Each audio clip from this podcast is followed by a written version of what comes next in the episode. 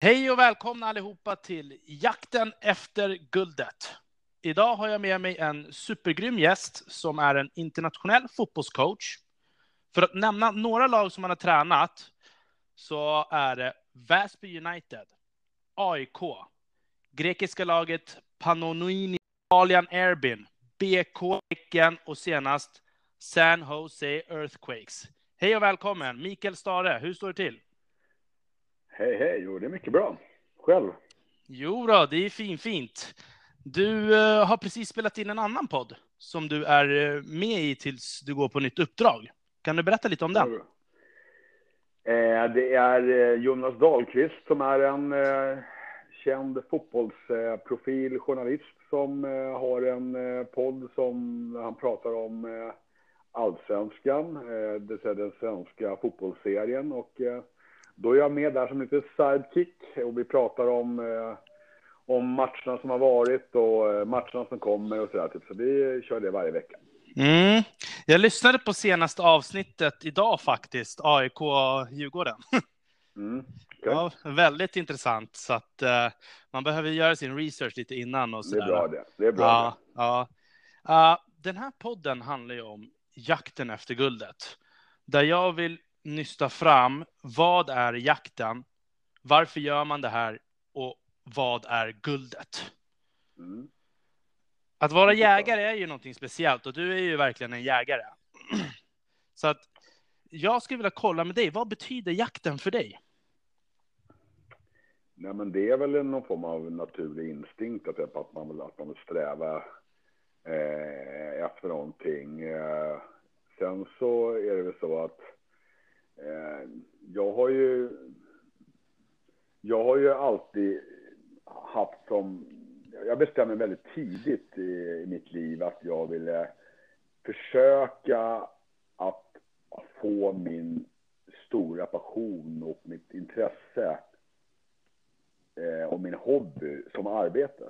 Eh, och eh, jag är väldigt sådär, typ luststyrd person. Jag tror nu att jag för sig att jag är väldigt bra på plikten också så, men jag är en väldigt luststyrd person och jag är beredd att jobba väldigt hårt med det som jag tycker är kul och intressant och givande. Mm. Eh, och min, och min som jakt har varit liksom att, att att, att, att bli fotbollstränare. Eh, många andra har ju drömmar att bli fotbollsspelare eller om det är andra sporter och sådana bli utövare. Men jag insåg ju ganska snabbt att jag inte hade de attributen för att kunna lyckas och bli det. Däremot så kände jag tidigt att jag hade vissa ledaregenskaper. Så att det har varit min, det har varit min liksom, eh, eh, grej. Liksom, att, att, att, att, att först och främst att, att nå och bli fotbollstränare eh, på, på heltidsanställd nivå, där man, vilket alla fall då när jag började var väldigt få sådana tjänster som fanns i Sverige. Eh, och sen självklart har det varit sen att, att självklart jaga, om man får uttrycka sig så, då, bättre uppdrag där man också kan vinna titlar och liknande. Ja, precis. Så, så du visste det här då redan när du började coacha Gröndal IK då, eller?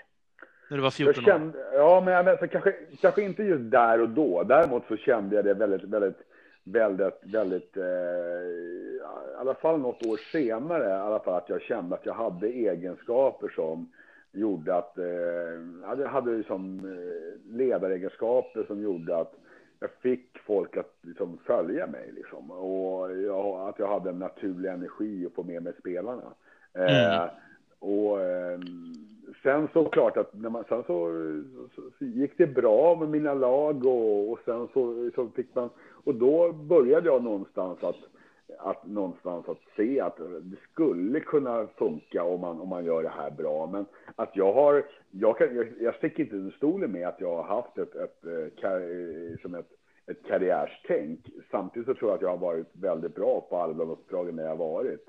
Mm. Eh, på, också på verksamheten. Men att det är klart att jag har strävat efter att komma så högt upp som möjligt, absolut. Mm. Och jag tänker, det måste ju också ha funnits uh, tuffa tider innan man liksom fick det här uh, välbetalda jobbet. Uh, och den här, det är ju en del av processen som behöver bygga dig till den personen du behöver bli.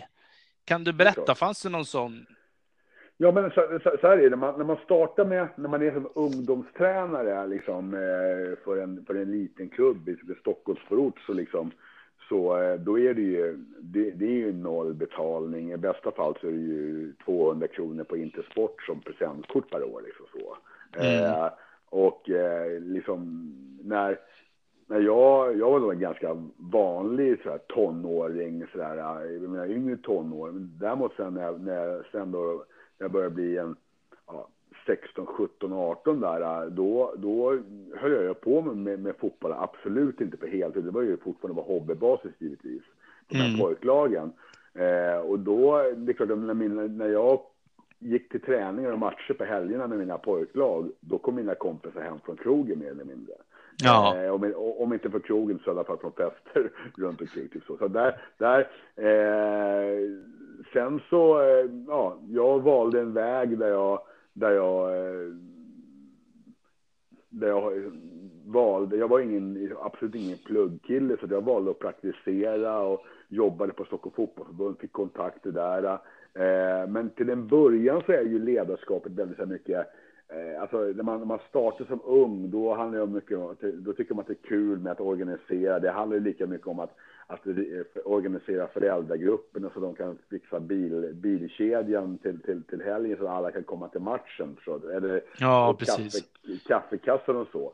Eh, sen går det där mer, går det där mer mot en, att man börjar intressera sig för mer liksom själva spelet, fotboll och talangutveckling och hur får man mest effekt på spelarnas liksom, utveckling för att kunna bli framtida elitspelare. Och sen blir det mera taktik igen och så blir det mer ledarskap och så blir det en mix av det där och så börjar man hitta mer och mer sin egen filosofi. Men det är klart att resan har varit lång. Eh, däremot så kände jag att jag hela tiden mer eller mindre, eh, att jag tog, jag tog steg för steg. Liksom att jag, jag behövde aldrig någon gång, men på vä- i, i min strävan så, så behövde jag ta väldigt få steg bakåt. Utan det gick egentligen, det gick väldigt sådär eh, smidigt eh, så. Mm. Eh, men, men mitt största steg jag tog, det var när jag lämnade Hammarby, där jag tränade pojklag, till AIK. Det var ju kanske mitt mitt, mitt, mitt bästa beslut i, i, min karriär så far. Att jag liksom, AIK då um, hade, liksom i den vevan så rekryterade man in en, en känd tränare som hette Stuart Baxter som gjorde jättestort intryck på, på många och, och eh, gjorde bra resultat med representationslaget, med A-laget. Och jag och med flera jobbade på ungdomssidan och eh, AIK gick också till Champions League, så AIK fick med in mer pengar i verksamheten så de kunde anställa mer folk. Och då blev jag då anställd, anställd i AIKs verksamhet på heltid eh, år 2000. Och det var inte speciellt många sådana tjänster som fanns då. Ja. Det var väldigt, och då var jag 24 år gammal och då, då fick jag mitt första heltidsanställda jobb när jag var 24 och det betydde väldigt mycket för mig. Får man fråga, hur mycket betalt fick man då på den tiden? en sån tjänst, det var ju också reglerat från Svenska fotbollsförbundet, då fick man så bidrag från förbundet. Men i, i eh, vi säger så här, i, i, runda siffror, så kanske runt en eh, 16 17 000 i månaden. Ja, ja, men då klarar du det i alla fall. ja, precis. Då var det, det, var, det var ju den nivån då. För mig så var det, liksom, det var en heltidslön. Ja. Eh, så det var ju samma, det var ju samma nivå som att ungefär som att jag skulle liksom eh, cykla post då liksom så. Ja, men, men precis. Mig, men för mig så var det, själv var det, det var inte som att jag hade tagit det för, jag hade tagit det för 10 000 också, för i det läget där så var, brydde jag mig inte det minsta om, om, om liksom, jag ville bara bli fotbollstränare så jag hade kunnat tagit det på vilken summa som helst. Om ja, men precis, precis. Bara för att få utvecklas och, mm. och sådär. Men sen när du gick på ditt första utlandsuppdrag då, i mm. Grekland, Mm. Hur var det? Vad tog du med dig därifrån och hur var miljön där? Det är klart att in, en, en, viktig sak att poängtera innan man hoppar in på, på Grekland, det var ju liksom att de, de åren som kanske varit allra viktigast var det som skedde före Grekland. Eh, jag gick till AIKs ungdomsverksamhet och, gjorde, och fick, fick möjligheten att klättra i AIKs, AIKs organisation med med de äldre, äldre pojklagen i juniorlag och talangverksamhet och, och lärde känna Björn Westström som idag är sportchef i AIK och vi jobbade ihop i många olika roller och vi gjorde ett jävla bra jobb tillsammans. Eh, mm. Och sen så eh, fick jag ju till slut då chansen att vara chefstränare i AIK eh, säsongen 2009 efter många års arbete. Eh, under, och så, så tog ni guld där också. Precis va. Och det är klart, det, var, det är klart att eh, jag fick ett erbjudande och, som jag då ville, ville ta för att pröva vingarna. Jag vill också poängtera att jag, jag var väldigt Alltså jag hade, det gick väldigt fort då, för grejen var att jag hade varit liksom anställd tränare i, ja, i tio år, men jag hade liksom bara varit på liksom ansvarig scen i något år. Jag har varit något år i Väsby som är AIKs andra lag, men som var i andra divisionen i Sverige. Och jag var bara chefstränare för AIK i ja, dryga året. Eh, och och det, det, är klart att, att så här i efterhand så kan man konstatera att det var smått naivt att, eh, liksom, att sticka själv utan assistenter och för att flytta till Grekland. Men, men ja, lite hybris var det så att jag, att jag stack, stack, stack iväg. Men samtidigt så är det så, det är så i, i min bransch så är det så extremt få som blir headhuntade och får sådana uppdrag och får liksom få vara tränare runt Medelhavet. Liksom. Ja, men precis. Det är väl bara... Så du tycker att det kan ha varit lite för tidigt du åkte, eller du borde ha krävt att få ta med dig ett team? Eller? Ja, alltså i kombinationen av det. Det är klart att, att, det, var, att det var naivt så här i, i efterhand. För där får, man, där får liksom samma år så, så var det 99 stycken eh, tränare, 99 tränare på de två högsta serierna. Så det var i snitt så var det nästan tre tränare per, per klubb som, som bytte. Så det är klart att varför skulle det inte bli när jag kom dit liksom så. Och, och det var fyra tränare, nya tränare med i samma säsong tror jag när jag lämnade. Så, så att, det är klart att det var naivt. Samtidigt så gav det också mig en, en, en, en väldigt stor erfarenhet. Eh, dels att jag fick vara tränare på ett annat ställe, men också det att jag också inser det som att, att liksom, eh, livet och, och liksom, eh, som fotbollstränarlivet och huvudlivet i, i, i, i, i i det stora hela? I, i, i stora hela är ganska skevt. Eh, alltså, det, är ganska, som det, är, det, är en tunn, det är en tunn linje som man vandrar på. Det är klart att då fick jag också någon form av sådär, vad ska jag säga, eh, jag hade lämnat, AIK liksom med, all, med den supporter som jag hade där och med mina vänner som jobbade där och så helt plötsligt så, så så stod jag liksom eh, ja, utan do, do, den supporten varje dag. Och det blev ju väldigt tydligt också att vi slutade i Grekland. Då blev, då blev jag ju liksom väldigt själv, om man får uttrycka sig så. Och självklart i supporten ja. för min familj och så, men jag, arbetsmässigt eh, så, så är det klart att det var, det var en, det var en rejäl sådär uppvaknande som jag var tufft att hantera, men när man väl är igenom den fasen så, så är det någonting som gör en, gör en starkare över tid. Liksom. Ja, men precis. Uh, det är väl ändå skönt att få erfara allting i relativt tidig ålder. Ja, alltså, allt har ju... Alltså, allt har... Ja, ja, men, nej, det, det har det inte gjort. Eh, så. Men, men det är klart att, att jag har varit... Att, att det, liksom all, alltså, de, de flesta av erfarenheterna med, man har fått i, i någonting som man kan liksom, liksom, ta med sig och använda till, till, till, till framtiden. Sen är det ju alltid så att eh, när vi pratar om det här med jakt och så, så är det så att det som man ska också vara medveten om att när man, när man uppnår vissa saker, jag kan säga så här att i min värld så, så upplevde jag där och då när jag vann SM-guld med AIK 2009, mer eller mindre liksom min livsdröm. Då. Ja, där, precis. Där och då, så upp, upp, det var det som jag hade liksom drömt om, att liksom vinna liksom en titel liksom med AIK. Det var liksom, mm. det, var liksom, det var, det var ännu mer. Och då är det så att då gäller det sen att hantera, jag, jag, jag hade svårt att hantera den grejen, det måste jag erkänna efteråt. Och, eh, och det är klart att man då uppfyller vissa saker tidigt, så är det ju på något sätt, den, den strävan har man då haft, och så uppfyller man de, de grejerna tidigt. Då måste man sätta sig och, och sätta, sätta, sätta, nya mål och visioner och sådana saker då, eh, som fortfarande ska vara liksom, rimliga och logiska och mätbara och allt det där. Och det, det, det är liksom, det är en tuff fas att hantera måste jag säga. Och jag har alltid varit lite så här målstyrd och jag kommer ihåg att jag satt i ett, på ett hotellrum i, i Göteborg 05 eh, när jag var en av juniortränare i AIK och satte upp lite Jag var där och bevakade någon match och satte upp något, något, något, mina mål. Och jag kommer ihåg att de var väldigt högt uppsatta och fem år senare så hade jag som checkat av alla de målen. Tror det var 15 punkter. Mm. Eh, och, och, då, då, är det, då, då försöker jag sen att försöka hitta en, en ny plan för hur liksom, mina, mina alltså, och det, och det är inte lika lätt att uppfylla dem då när man liksom har, har kommit så pass långt. Ja, men precis. Och då, de tidigare målen har du ju haft en längre period också. Och det blir, det blir en hel omställning att komma på nya mål som är bra och mätbara. Ja, men det förstår jag. men eh, efter Grekland så mm. fortsatte du ju. Och 2015 fick du ju uppdrag hos Dalian Airbin i Kina. Mm, mm. Hur, hur, hur, hur arbetsmiljön där borta och hur, hur ser strukturen ut där? Man hör ju väldigt mycket om Kina idag, fotbollsspelare som får jättekontrakt och flyttar dit. Men man undrar ju, hur är klimatet där? Eh, du menar själva som, alltså hela arbetsklimatet och hur allting är? Liksom, det menar. Ja. ja.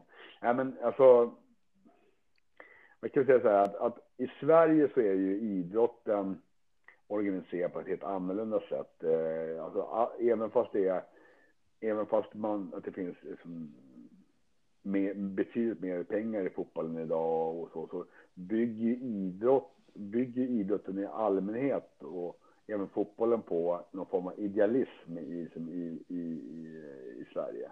Mm. Eh, och eh, utomlands så är det ju, eh, och i ett sånt land som Kina så är ju klubbarna är ju mer eller mindre företag eh, som st har startat fotbollsklubbar. Förstår du? Alltså det, ja, okay. det, det, det, är en rik eh, Sen finns det också, det finns en historia tidigare, men det kan vara så att en, en, en, en, en, ägare, en ägare av ett företag vill starta en fotbollsklubb som oftast tar liksom kanske företagets namn eller så, så struntar det, men det är han som äger. Så kan han starta upp det i en stad och sen kan han få för sig att flytta den, den klubben till en annan stad. Nu vet jag att de har reglerat det med att man inte kan göra det hur som helst, men så var det ja. en period. Och och, så ä, klubben ägs av en, av en miljardär i de flesta fallen.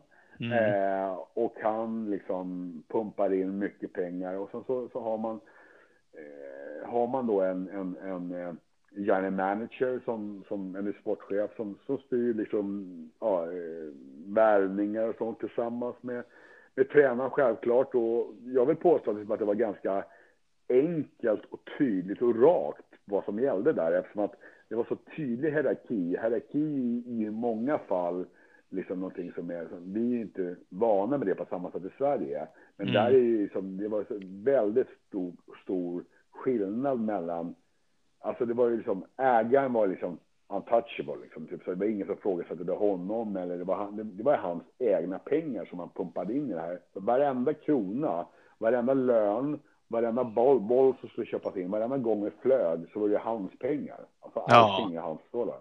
Eh, och han, han, han möts ju med en extrem eh, liksom respekt. Så när han kommer till träningsanläggningen och möter spelare och ledare så är det ju som att, som att, liksom att eh, ja, men jag kan inte jämföra med det vad, vad, om ett svenskt företag skulle få men det skulle vara om, om en svensk företag, alltså en svensk statsminister, absolut inte. Det skulle vara, alltså det var ju mer pådragen om, om det skulle nästan skulle vara liksom ett, ett, ett, om, om, Sverige skulle få Amerikas eh, president som besök. Det var liksom, ja, precis. det var röda mattor och det var liksom, folk stod i led när han kom och så, så det var extrem respekt. Eh, och sen så var det då, så att, och han ringde ju aldrig direkt till mig. Eh, dels på, grund av den språkliga barriären, men han skulle aldrig, så han gick ju alltid sen bara via general managern och den general managern till, till mig. Så jag hade ju väldigt få, alltså när vi gick från jobbet, om man får uttrycka sig så, från träningen eller från matchen eller vad det var, så var det ju mer eller mindre bara general managern eh, som egentligen liksom kunde liksom ha den kraften att ringa till mig och fråga mig om någonting. Ja. Upp någonting. För de övriga så var ju under mig i hierarkin. Hur, många, hur stort var ditt team då? Hur stort var teamet som jobbade där med laget? kan jag säga, alltså i, i runda tal 15, 20. Alltså själva, alltså, alltså med, med materialförvaltare till sjukgymnaster och läkare och, och fystränare, assisterande tränare och ungdomstränare och individuella tränare och målvaktstränare. Och ungefär, alltså ungefär som det ser ut i Sverige, alltså något flera. Framförallt så är, har man oftast utomlands så har man större bemanning på, på, på själva liksom medicinska teamet. Man har flera folk som jobbar med massage och återhämtning och, och, och behandling än det är i Sverige. För i Sverige så, eh, så eh, ja, är sån personal väldigt dyr förhållandevis. Utomlands är det billigare och därför tar de in flera utomlands. Ja, okej. Okay. Och sen efter det så kom du tillbaka och eh, tränade BK Häcken i ett år. Uh, mm. Och efter det så gick du iväg till eh, San Jose Earthquakes. Man kan ju mm. tänka sig att när man väl har fått en lite blodad tand i utlandet, blir det svårt då att komma tillbaka till Sverige? Eh, egentligen en bra och leva, det är också en ledande fråga. Det, det, det, finns en viss utmaning i det, det kan man konstatera. Eh, det, är, eh, det är ju en spännande det är ju en spännande miljö att vara utomlands. Det är, det är klart att man besöker nya städer, man, man, man, möter nya lag, man träffar nya människor, man ställer sig på nya utmaningar, språkliga barriärer eh, och så. Det, det, är klart att, att, att, att, att, eh, att, att man, blir, att man blir, får en... Samtidigt så ska man absolut inte heller som underskatta den, den svenska verksamheten, vilket är bra och, liksom, och liksom seriös och organiserad och liksom också relativt välbetald. Det ska man inte sticka under stolen med. Det, det är absolut inte så några, några liksom något, något, något eh, jättelåg budget så även fast man betalar så mycket mer utomlands. Men, mm. men, eh, ja, men åren, år, det är klart att, att det var, jag hade x antal eh, uppslag eh, efter Kina eh, att eh, där det var något som jag tackade nej till och så var det något jobb som jag föll på målsnöret som jag var intresserad av som jag, som jag, som jag, jag var nära ett jobb i Israel bland annat mm. eh, som var bra jobb. Eh, och sen så blev det en naturlig lösning att jag, att jag flyttade till, till Göteborg igen och BK Häcken och för där hade jag mitt hus och sådana saker och var helt inställd på att helt inställd på att, liksom att, att vara där i, i, och tillsammans med ledningen och spelarna där och och, och liksom vara med där och vara med och utmana om SM-guldet de, de närmaste kommande tre åren. Men så, så blev det en annorlunda vinkel, det gick bra och sen så fick jag också, fick jag, blev jag headhuntad för en amerikansk klubb och MLS är ändå en intressant marknad och, och, eh, och så, så, ja, så flyttade jag dit. Tyvärr så, ja, så blev det blev det en, eh, en, en väldigt svag säsong, eh, den svagaste säsongen i min karriär hittills. Och det, så att, eh, ja, så är det. Det får man, får man nytta av de erfarenheterna. Ja, men hur, vad var skillnaderna där då i MLS? Hur, hur, hur tycker du ledarskapsprocessen och hierarkin och sånt, var det stora skillnader där också kontra svenska eller? Eh, där, är, där är det ju också, dels så är det så laget, alltså klubben i USA liksom finns med i MLS som är då, då det, så det högsta serien i, i, i, i fotbollen i, i USA. Och då är det så att MLS, liksom, i förenkling så är det så att MLS betyder en väldigt, det är en stängd liga, vilket betyder att i Sverige och i många andra länder så kan man åka ur. Man kan åka, om man, är man dålig så kan man åka ur och så spelar man en division under. Mm. Eh, och så kan man, spela en division under så kan man gå upp.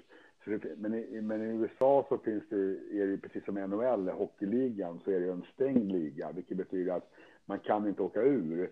Eh, och eh, det, det, den enda egentligen strävan man, man, har under säsongen, först och främst, eh, det är att nå eh, slutspel, alltså playoffs. Mm. Eh, och når man, är man då, får man då en dålig start som vi fick så går lite grann luften ur att man, att man inte kan nå dit.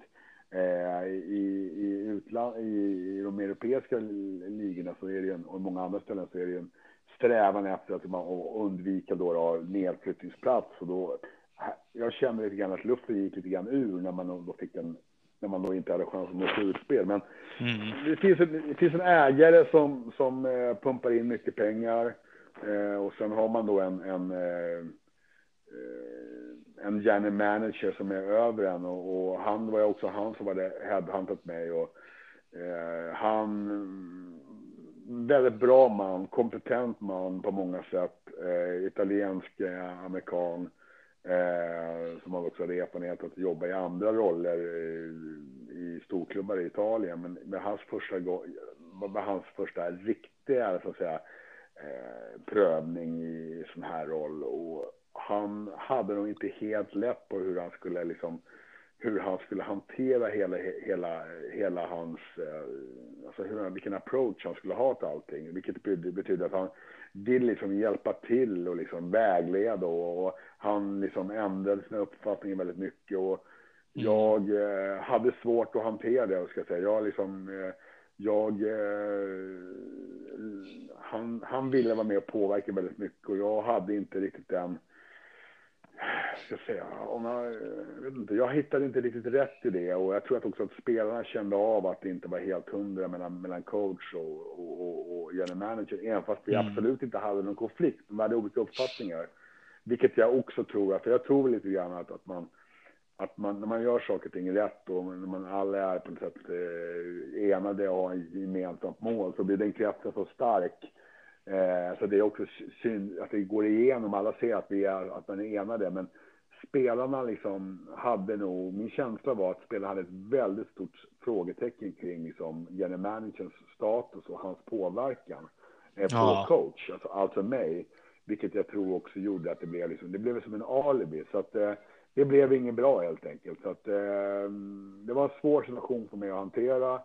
Eh, och det är klart att jag har saker att jag har saker där som jag skulle jag hamna i en liknande situation att jag skulle agera annorlunda. Jag skulle vara starkare helt enkelt och egentligen bara stått på mig och kört min grej som brukar bli bra. Men jag, jag, jag kompromissade för mycket helt enkelt och det blev inte bra.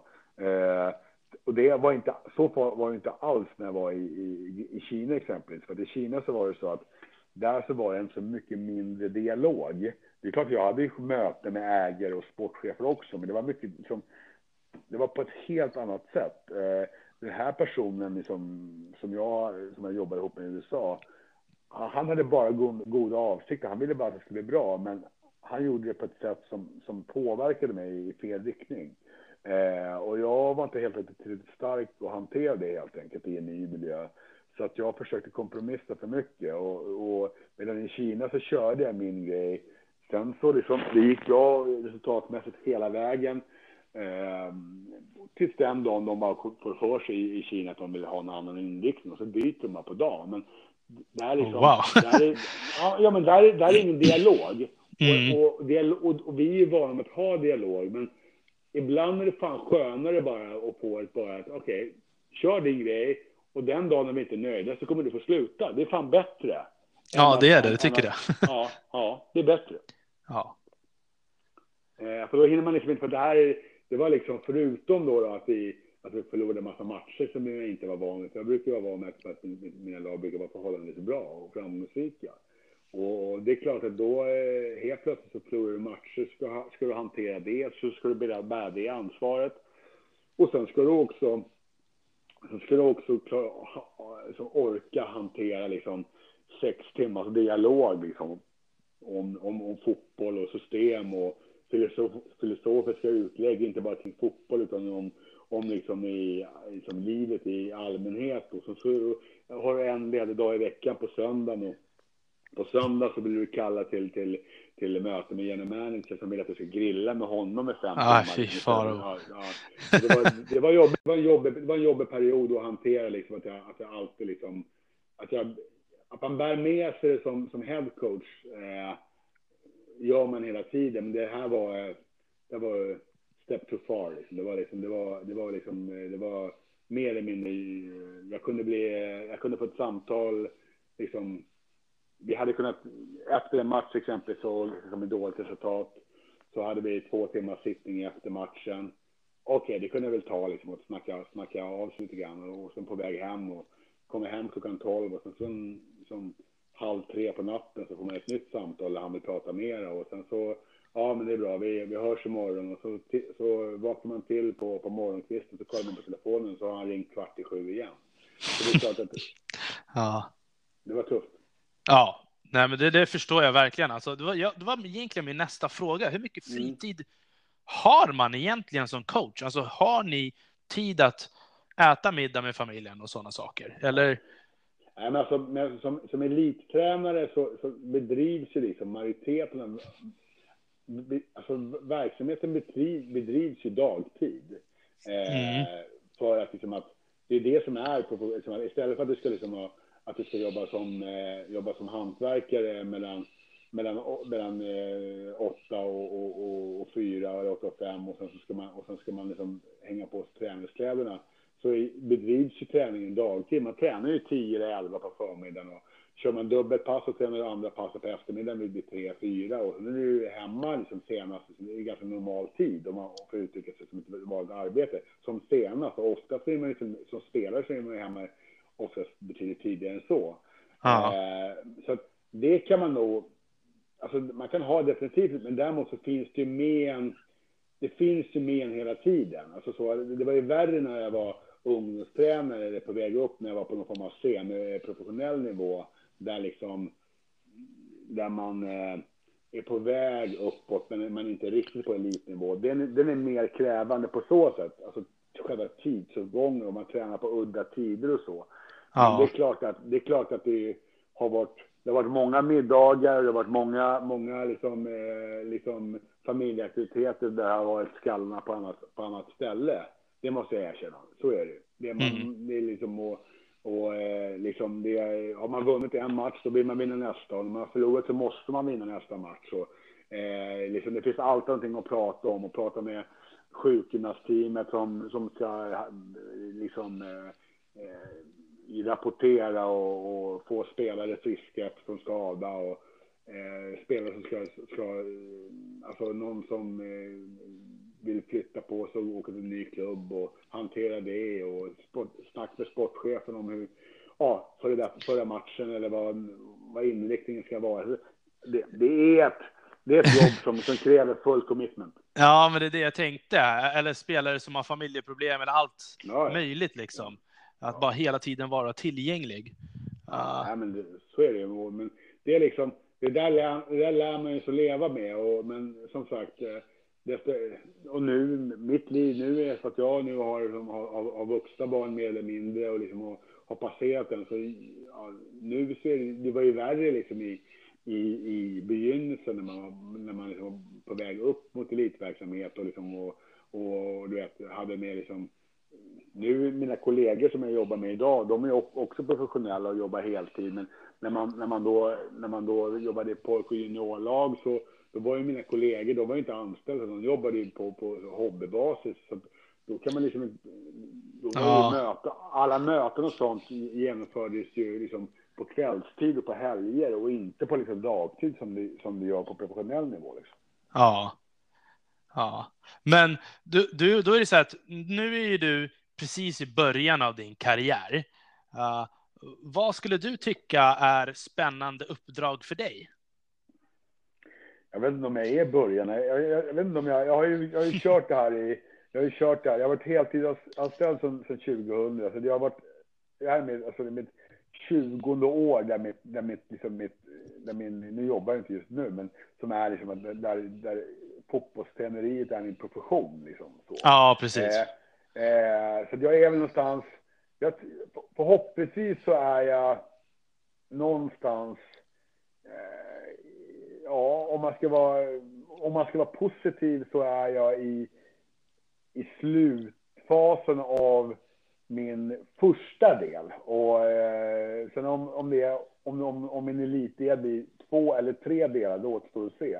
Men eh, liksom, eh, det här är ett yrke som man kan jobba med egentligen. Håller man, liksom häls har man hälsan i, i, i liv liksom så, och man sköter sig någorlunda så kan man jobba fram, alltså, till man är 70 liksom så. Så att det, eh, det är klart, och då, är ju, då har jag ju då har jag i alla fall en 25 år till liksom så. Eh, Ja, precis. Det var lite mer så jag menade. Ja, ja precis. Men, men alltså, nästa uppdrag, det kan vara... eh, Eftersom att det, eftersom att det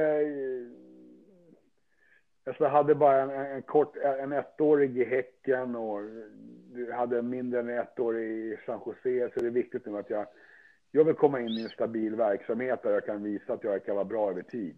Eh, och eh, jag kommer vara väldigt sådär, selektiv eh, med nästa uppdrag. Jag måste liksom, eh, det måste kännas helt rätt i magen eh, för att jag ska liksom, jag kommer inte stressa i någonting. Nu har jag varit snart, om någon vecka så har jag faktiskt varit utan uppdrag i ett år. Eh, och eh, ja, för mig så, jag har haft en fem, sex konkreta erbjudanden på, på bordet.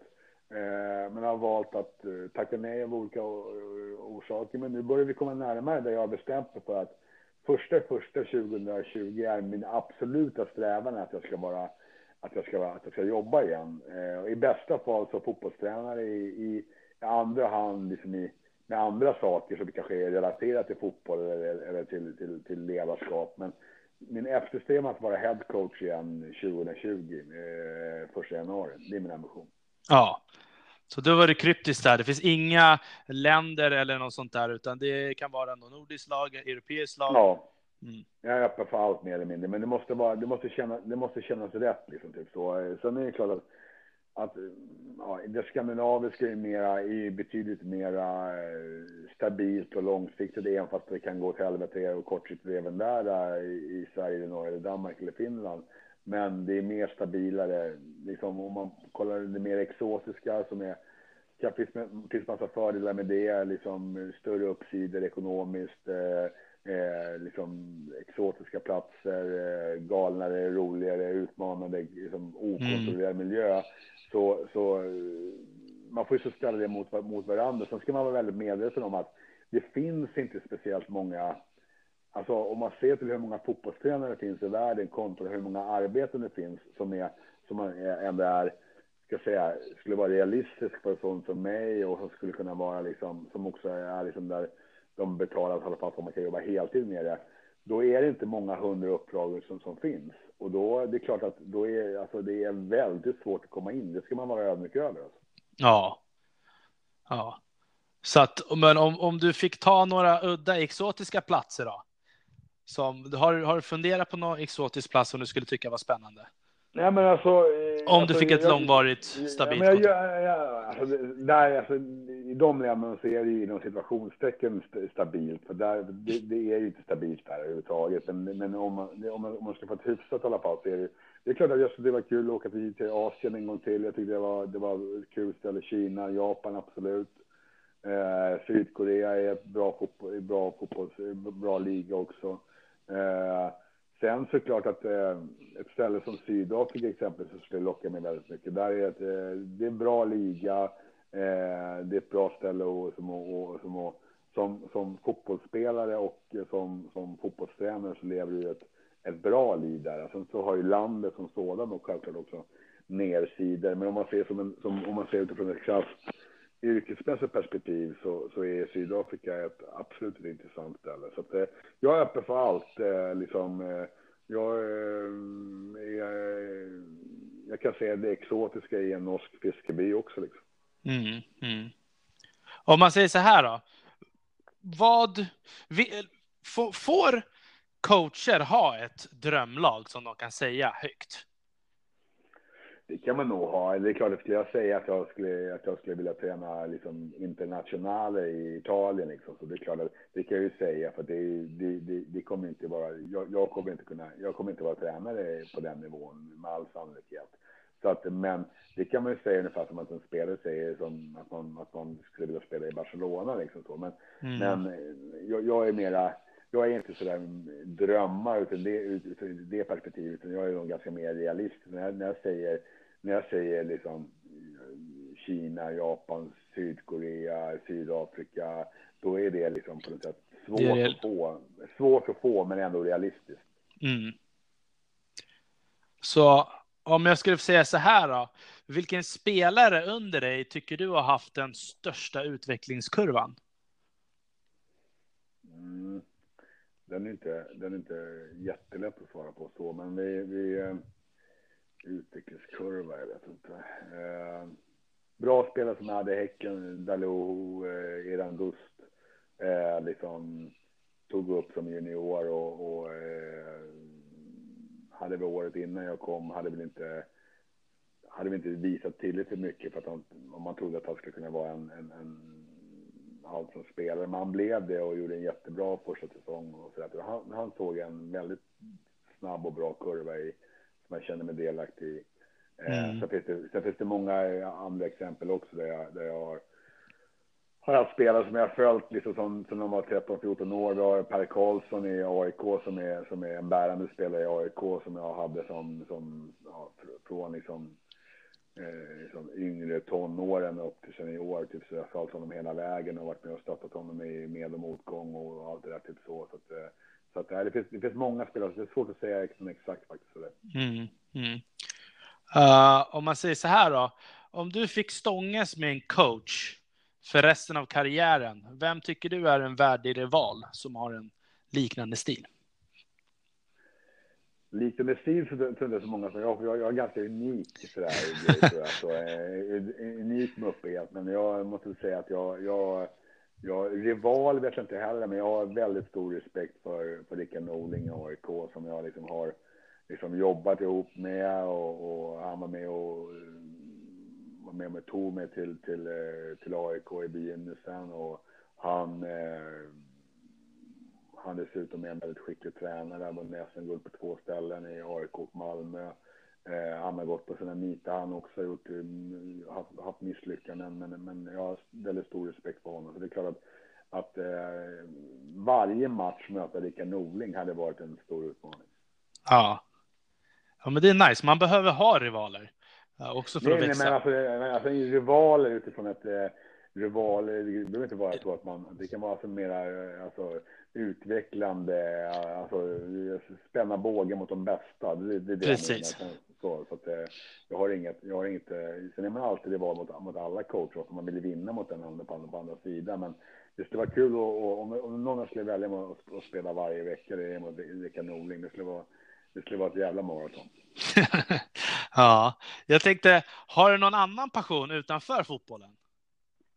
Nej, nej, nej, alltså jag, jag inte så. Jag är, inte den här, jag har inte den här, den här hobby, liksom, inte den här hobbykillen, men, men liksom det, man, man, man, måste, man måste klara av att ta det lugnt och eh, jag, vi, jag och min, min familj, vi gillar att resa så att, eh, och det jag har vi gjort ganska mycket när vi har varit lediga och så, så att eh, det tycker jag är kul och sen måste man ju, vilket är för alla, måste man försöka liksom också sköta sin fysik någorlunda i alla fall. Så att man, att man liksom, att man, eh, nu har jag fått lite blodavfall på det. Jag har haft ett bra år här nu när jag varit ledig. Så jag har tränat hårt och haft en ganska stor effekt i det rent fysiologiskt. Så att jag känner att jag liksom, att jag eh, har satt bra rutiner på det på, på, på min egen träning här det, det, det sista året här nu. Eh, slarvade lite grann med det något år och fick en dålig effekt. Så nu, nu, nu har jag hittat rutiner som jag är tvungen att genomföra varje dag egentligen för att kunna hålla mig vid god vigör. Mm. Men om man säger så här, vilken är din favoritmaträtt? Oj. Jag gillar ju, eh, jag gillar eh, rött, rött blodigt kött. Okej, okay. klassisk. Ja, faktiskt. Ja. ja, men det är samma här faktiskt. Uh, då tänker jag så här. Hmm. Ja, nu har vi tagit ganska många intressanta frågor och du gillade, hade ingen passion. Jag trodde nämligen du skulle säga vinprovning eller matlagning nej, eller någonting nej, sånt. Nej, nej. Men eh, okej, okay. men då får vi väl tacka för idag. Jag tycker att vi har haft ett jätteintressant samtal. Absolut. Och eh, tills nästa, jag tänker du har ju också din podcast. Kan vi nämna den vid namn så kanske vi kan shouta ut till den? Alltid allsvenskan alltid allsvenskan. Och har du några andra medier som eh, Nej, man kan nå dig? Inte. Jag har faktiskt inte det, utan jag, jag eh, kör eh, mer eller mindre sociala medier fritt faktiskt. Ja, finns det någon anledning för det? Nej, det är anledningen till det liksom att jag, jag känner att jag, eh, jag känner att jag eh, det, det, är så stort, det är så stort flöde ändå. Eh, alltså, det vill säga alltså, alltså många saker att ta hänsyn till. Eh, så att jag känner att jag... Eh, vänta, bara, eh, så att jag känner att jag... Eh, mår, mår bäst av att ha ett radioskugga till det här liksom. Det, Det, det, det, det är därför. Ja. Så, att jag, och som jag, så det är mycket möjligt att jag öppnar upp de spelen senare, senare i livet. Men just nu är jag ganska nöjd med att, att hålla mig mer eller mindre media, i social media fritt. Ja. Ja, men då så. Ja, men då får jag tacka så mycket för idag. Jag tyckte det här var ett jätteintressant samtal och eh, förhoppningsvis kanske i framtiden så får vi ha något till samtal. Givetvis, givetvis. Tack så mycket. Hej, hej. Hej, hej. Alltså, vilken gäst! Micke Stare. Att få höra han dela med sig om sina erfarenheter är bara helt fantastiskt. Herregud. Tack så mycket Micke, igen. Och till er andra, andra, mina kära lyssnare. Vi hörs och vi ses igen nästa vecka. Jakten efter guldet mina vänner. Med vänliga hälsningar Armond Faltin.